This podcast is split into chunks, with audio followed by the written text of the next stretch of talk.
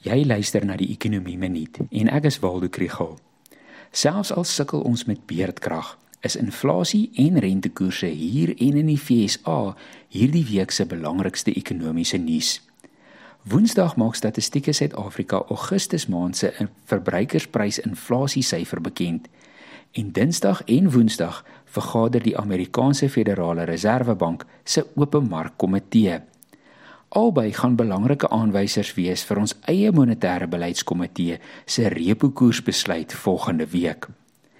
Plaaslik is die vraag of inflasie in Julie maand 'n draaipunt bereik het op 7,8%. Daar was 'n brandstofprysverlaging in Augustus wat sou help. En ons weet dat verbruikersvertroue is laag en kleinhandelverkope is gedemp wat help om inflasie effens te verminder maar 'n klein daling in die inflasiekoers gaan nie beteken dat die Reserwebank die repo koers onveranderd gaan laat nie.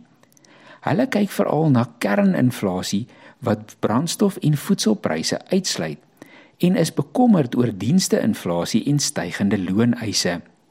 Die verwagting is steeds dat die repo met 75 basispunte verhoog gaan word. Nietemin sal 'n effense laer inflasiekoers wys dat die streng beleid begin werk en dit maak dit dalk moontlik om in November maand 'n kleiner verhoging te maak. Die rentekoersbesluit in die FSA speel ook 'n rol.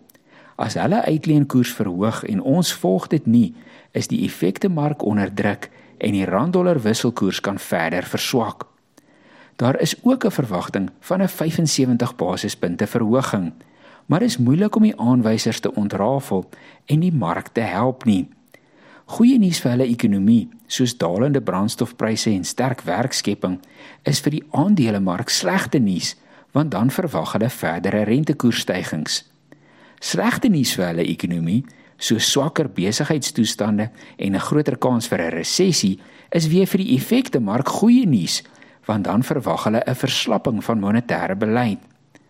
Ongelukkig maak dit onsekerheid en die wisselvalligheid van markte ons almal se probleem.